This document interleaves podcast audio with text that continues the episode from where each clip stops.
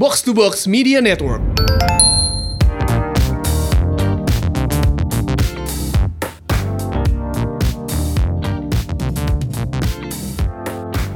Hey, welcome to Off the Week. Pasti kalian kangen banget ya sama Off the Week ini podcast yang berbicara berita-berita terkini, berita-berita terkini minggu ini bersama gua tentunya Andre dan Gue Yuri, hai semuanya. itu dia. Sudah lama sekali Andre tidak membacakan berita-berita terupdate pada pendengar kita. Makanya nih. Waduh, berita-berita padahal udah banyak ya. Kita skip seminggu ya, Yur ya. Kita Yes. nggak ngerekam yang minggu lalu. Cuman kalian tahu lah ya, minggu-minggu lalu ada berita-berita banyak dah tuh ya. Seperti yang masalah George Floyd juga. Rest in peace ya, George Floyd. In masalah rasisme segala macemnya. Tapi kita nggak mau ngomongin berita minggu lalu, kita mau ngomongin berita minggu ini. Betul sekali. Nah, Dre, Hmm. untuk dari box to box sendiri nih ya, ada berita Apa tuh? Hello Goodbye itu udah episode terakhir. Wow, oh ya? Iya, sedih banget ya di season pertama sih. Coba kita doakan akan ada Oh, season kedua oke, nih, oke. Dre. Wah, semoga sih Yur. Gue ngedenger Hello Goodbye. Berarti yang episode 12 itu judulnya apa nih Yur? Kampung Halaman sebagai penutup di episode 12. Oh, I see, I see, I see. Tapi ngomongin masalah box to box juga nih Yur ya. Mm. Em, sekarang ini podcast-podcast box to box, beberapa podcast sih ya, itu udah ada sosial medianya. Oh, seru banget. Apa tuh, Dre? Contohnya, Uh, Dre? Gila, ada konon, ada cukup menarik. Habis itu sebenarnya udah lama sih nih ya eh, sosial medianya ada pelacur dan box to box bola ya. Number one podcast bola di Indonesia. Akhirnya ada sosial media. Uh, seru banget. Gila. Guys, jangan lupa follow ya. Number one loh. Betul sekali. Jangan lupa juga untuk follow podcast-podcast lain kayak Betul. ada Otaku Box, ada Komrik Mania. Wah, pokoknya kalian follow itu semua untuk tahu berita-berita episode-episode terupdate gitu aja. Untuk mengawali episode of the week hari ini, gue mau ngomongin sesuatu tentang sebuah isu yang ini dirasakan oleh warga-warga Indonesia Apa tuh, Dre? isu tentang PSBB yang di mana kita harus di rumah terus nggak boleh keluar itu dia Tapi kan ini kan eh, dengar-dengar new normal nih, Dre ya. Orang Hmm. udah banyak yang keluar, udah banyak yang ketemu, udah banyak yang nongkrong gitu kan. Jadi ada Hmm. berita apa lagi nih yang terupdate dari PSBB nih? Berita tentang PSBB ini gue ingin mengatakan sebenarnya ini menurut gue ya ini peraturan gubernur yang gue merasakannya itu seperti finally keluar gitu karena untuk mempres juga kendaraan bermotor Ya. yaitu masalah ganjil genap Yur kalau dulu kan kita tahu ganjil genap itu hanya untuk mobil ya Yes. Jadi betul. eh, apa namanya mobil tuh yang kalau harinya ganjil yang boleh beroperasi ganjil, kalau yang eh, genap berarti yang boleh beroperasi yang mobil genap. Nah sekarang itu juga berlaku untuk motor Yur.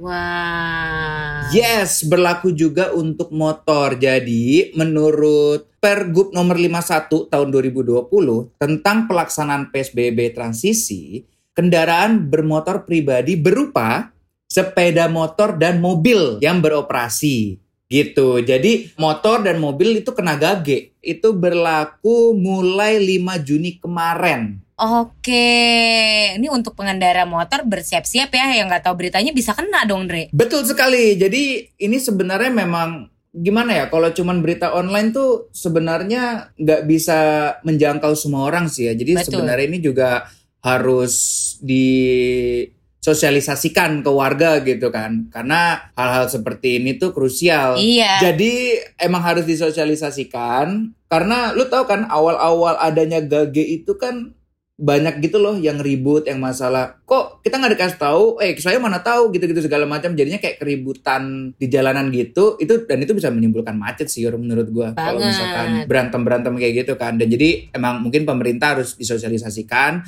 Apalagi sudah berlaku mulai 5 eh, Juni kemarin dan tapi Yur, ini hanya berlaku untuk pribadi. Jadi kalau untuk ojol, Yes. untuk taksi itu nggak berlaku. Oke, berarti selama mereka pakai jaket ya, kalau ternyata dia ojol tapi lupa pakai jaket, tetap kena berarti Andre. Iya, karena nanti dikiranya pribadi dan itu mungkin ya bisa aja kan pas di stop dikasih tahu bahwa saya ojol apa segala macam. Cuma kan itu ribet ya. Jadi Ribet. memang kalau untuk ojol itu ya karena ini tidak berlaku untuk ojol, dia harus menggunakan seragam yang pas, yang rapi dan yang full gitu loh. Nah, ngomong-ngomong soal ojol nih, mulai 8 Juni penyedia jasa transportasi online sudah diperlakukan lagi nih. Jadi nggak hanya cuma yang mobil doang. Oh ya? Orang-orang yang mau pergi ke mana-mana udah bisa naik ojek online. Wow. Mulai 8 Serius Juni ya? nanti, serius. 8 Juni ya.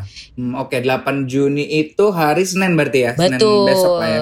Keputusan dari Bapak Gubernur Anies Baswedan. Mereka- Dia sudah mengizinkan Ah. ojol untuk mengangkut penumpang selama masa pembatasan sosial berskala besar transisi. Oh ya PSBB transisi tadi ya yang gue bilang ya. Berarti selain gage, ojol udah boleh lah ya gitu ya. Boleh, Andre. Jadi bakal Hmm, rame oke. banget nih nanti jalanan. Tapi ojol juga berjanji akan menjalankan protokol kesehatan pencegahan virus corona. Jadi Oh, walaupun mereka oke, sudah oke. beroperasi kembali, mereka juga harus mengikuti protokol-protokol yang sudah diberlakukan oleh pemerintah. Contohnya nih, Andre, nanti ojol tuh bakalan ada sekat plastik. Hmm, Oh sekat. Sekat plastik antara si driver dengan si penumpang.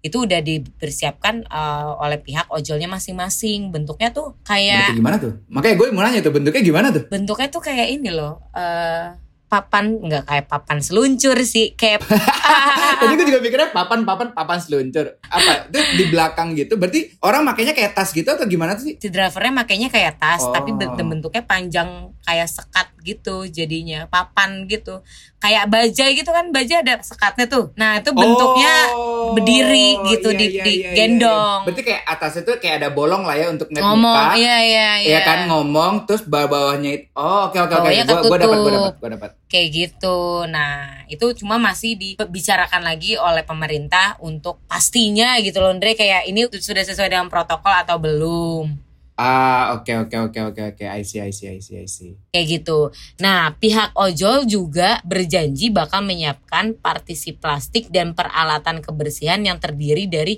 hand sanitizer, desinfektan, dan masker wajah gitu. Jadi lengkap nih si Oh, ojol ya. betul. Bukan face shield ya, bukan face shield ya. Karena face shield tuh jujur gue ngeliatnya nggak ganggu loh. Kayak orang oke oke lah nggak apa-apa. Lu emang mau apa namanya proteksi. Cuman kayak kalau pakai face shield tuh gue risih aja gitu ngeliatnya kayak aduh berat-berat kayak pakai topi bawah. Gue kayak, Asli aduh, terus gue mikir kayak dari kanan gitu. kiri kayak masih bisa masuk dah itu. Si Nah iya dari kayak bawah kan ngaruh. angin iya kan makanya kalau gue sih in my opinion masker tuh kelihatannya yang paling bagus aja daripada face shield Iya. kalau gue Terus ngeliatnya ya masker tuh juga sebenarnya yang lebih bagus Sundre masker rumah sakit gitu. Kalau kata dokter-dokter ya, karena kalau kain mereka tuh masih virus Mm. tuh masih bisa nembus sebenarnya. Oh, karena kalau misalkan yang di rumah sakit itu kan mereka udah ya sesuai dengan Bisa itunya menyaring kan. lah, heeh, ada Mm, serat-seratnya kayak gitu. Oh, oke oke. Iya sih kalau kain kan juga apa namanya orang bersin apa air kan nyerap ya. Yes, betul banget. Dan satu lagi nih Andre, mitra pengemudi dan penumpang juga dapat membatalkan pesanan tanpa denda sebelum perjalanan dimulai jika salah satu pihak tidak menggunakan masker. Oh. Jadi oke, buat oke, penumpang itu bisa tuh mereka eh, nggak jadi ah habis bapaknya lupa pakai masker boleh jangan sakit hati gitu itu memang kesalahan si drivernya itu boleh kayak gitu Andre. Kalau drivernya boleh nggak tuh nge itu juga nge cancel juga kalau ah mbak nggak pakai masker. masker gitu. saya takut ah mbak boleh boleh Oh boleh juga. Oh oke oke nggak. Tapi ini menarik ya karena memang kalau nggak sesuai protokol ya kita nggak boleh jalan. Cuman mungkin pesan gua untuk para penumpang kalau memang abang yang nggak punya masker kan mungkin antara habis ya stoknya dia atau gimana. Mungkin kita kalau sebagai penumpang ya berbagi-bagi lah ya. Kan apa salahnya sih kita nggak bagi satu masker doang biar ya mungkin ya kita biar bisa juga sampai tujuan dengan selamat dan cepat nggak perlu nunggu-nunggu lagi ya kalau punya apa kasih salahnya sih? aja Hmm. betul betul kalau punya lebih kasih aja sih kalau gue bilangnya tapi jangan batal menurut gue ini fitur bagus sih jadi kita bener-bener diajarkan untuk patuh kalau gue ngelihatnya ya. Patuh dan bersih. Nah Andre eh, ngomong-ngomong soal protokol-protokol ya. Hmm. di Cikarang sekarang ada drive-in cinema. Drive-in cinema Betul sekali. Jadi kita bisa nonton film dari mobil. Gak perlu tuh kita keluar-keluar. Jadi tetap social distancing. Oke, zaman dulu ya yang Betul. lu tau gak sih layar tancap layar Iya. tancap yang pakai mobil kayak tahun 80s gitu. Wih, betul banget. Nah sekarang ada tuh di. Cikarang tuh. Oh begitu ya. Berarti kayak apa ya? Gue nggak, gue sih setelah lu ngomong drive-in cinema gitu ya, gue Mm-mm. membayangkannya tuh yang kayak ya bener-bener yang tadi gue ngomong tahun 80s 90s gitu orang kan berduaan di mobil gitu kan pacaran apa jadi Asli. kayak wah seru sih ini berarti yang pertama harus gue lakukan cari pacar dulu biar bisa drive in Betul. tapi gini sih gue melihatnya kalau untuk bisnis gue masih abu-abu ya Yur ya karena Iya. kan untuk semacam kayak gini gue nggak ngerti ya orang masuk itu entah nanti ngebeli tiket atau gimana kah atau nanti mungkin ada booth yang kayak lu tau gak sih drive thru McD kan biasanya kalau misalnya ya bayar di sini apa segala macam pemesanan gue masih belum ada bayangan sih ya pembelian tiketnya gimana Nah, Dre, di sini sih belum ada nih pembahasan soal tiket-tiket. Jadi berita yang ada itu mereka menyiapkan lapangan parkir di distrik 1 Mekarta hmm? dan mobil-mobil bisa parkir di situ cuma berkapasitas 30 mobil 30 yang bisa mobil. menikmati betul layar yang ada filmnya. Jadi kayaknya ini eh, dari si pihak mallnya sendiri yang menyiapkan film-film nggak pakai kita mau nonton film apa Andre belum secanggih itu nih Andre Oh, Kebetulan. jadi nggak ada now showing coming soon Yes, gitu-gitu ya. Oh, jadi terserah dia mau film apa gitu ya. betul cuma Hmm. eh, feel vibes-nya vibes-nya five five cinema drive in Wah, gila sih. Pengen sih gua. Seru sih, seru, seru, seru, seru kalau drive-in gitu ya. Tapi juga mereka mengikuti protokol-protokol yang ditentukan pemerintah. Balik lagi Andre, satu mobil cuma boleh paling banyak maksimal 50% aja isinya. Nggak bisa lo berempat kan cuma bisa berduaan.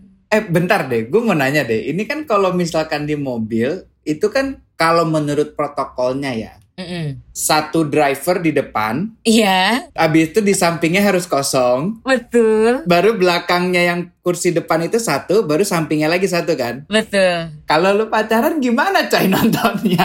Satu di driver, satu di belakang susah Jadi pegangannya dong. pegangannya ke belakang coy. Pegel coy, tangan lu ke belakang untuk ngepeluk doang. Nah, Gimana ya caranya ya? Diem-diem udah Andre. kan siapa tahu nanti ada satpam-satpam gitu kan pakai center-center Pakai ngeliatin. senter, aduh. Sesuai protokol kan nih. Aduh, pacaran juga susah ya di situ ya. Mending langsung aja lah Andre gitu. Eh tapi Yur, lu tau gak sih tentang ini? Jadi kan ini ngomongin gua hal-hal yang baru ya karena drive-in ini menurut gua sebuah hal yang baru banget sih. Yes. Dan mungkin lama, cuman kalau untuk di tahun segini tuh baru ya. Ada lagi akhirnya gitu ya. Betul. Nah ini kita ngomongin eh, yang berhubungan dengan throwback. Lu tahu kan zaman dulu tuh kita sempet lah mencoba untuk berdiri di bulan. Ya. Walaupun itu adalah teori konspirasi ya. Kita juga nggak tahu. Percaya, Eh, percaya. Iya percaya nggak percaya. Dan lu tau gak sih yang 30 Mei kemarin itu yang NASA mengirimkan dua astronotnya untuk keluar angkasa lagi. Oh ya? Yes betul sekali. Dalam rangka apa tuh Andre? Itu gue nonton ya. Nama misi pelepasannya itu Demo 2. Oke. Jadi SpaceX seperti yang kita ketahui itu mereka meluncurkan roket luar angkasa eh, yang namanya Falcon 9 Oke. itu untuk mengirimkan dua astronot keluar angkasa ke stasiun luar angkasa internasional ISS. Iya. Jadi kan kita kan udah ada tuh stasiun luar angkasa di atas yang di mana sudah ada astronot-astronot juga yang di mana mereka itu memberikan pengetahuan, memberikan informasi tentang hal-hal yang terjadi di luar angkasa Oke. gitu kan. Nah, jadi NASA itu mau mengirimkan pesawatnya mereka lagi yaitu Falcon 9 dan mengirimkan dua orang yang bernama Bob Behnken dan Doug Hurley dan yang kerennya Yur, misinya berhasilnya. Yes. Dan dan ada lagi nih, pesawat yang mereka gunakan itu kembali lagi ke bumi dengan selamat Yur. Wow, wow, hebat sekali NASA. Dan itu 4 Juni kemarin. Dan gue bisa main sepeda dong di Saturnus. Oh gitu ya kalau misalnya gabut, eh kan udah ada nih orang kasa yang bisa balik selamat. Kuy, jalan-jalan ke Mars gitu ya. Anjay. yoi kan. Wow, hebat NASA. Seru banget, Dre. Terus? Iya, ini menurut gue sebuah hal yang patut kita sebagai umat manusia banggakan ya. Walaupun mungkin gue mikirnya lagi corona gini tapi masih berpikiran kayak gini ya. Tapi ya gue yakin mereka menggunakan protokol-protokol kebersihan corona itu lah ya segala Itu udah macamnya gue sih, percaya. Andre. Karena ya, ya mereka perusahaan internasional, perusahaan terbesar, perusahaan yang Jelas. benar-benar memonopoli masalah luar angkasa. Harusnya tuh mereka ngikutin sih. Tapi ya itu, gue sebagai umat manusia, sebagai warga bumi, ya gue bilangnya warga bumi kan. Cepat tahu ada warga Saturnus, warga Mars. Ada sih, gue sebagai yang percaya ada sih.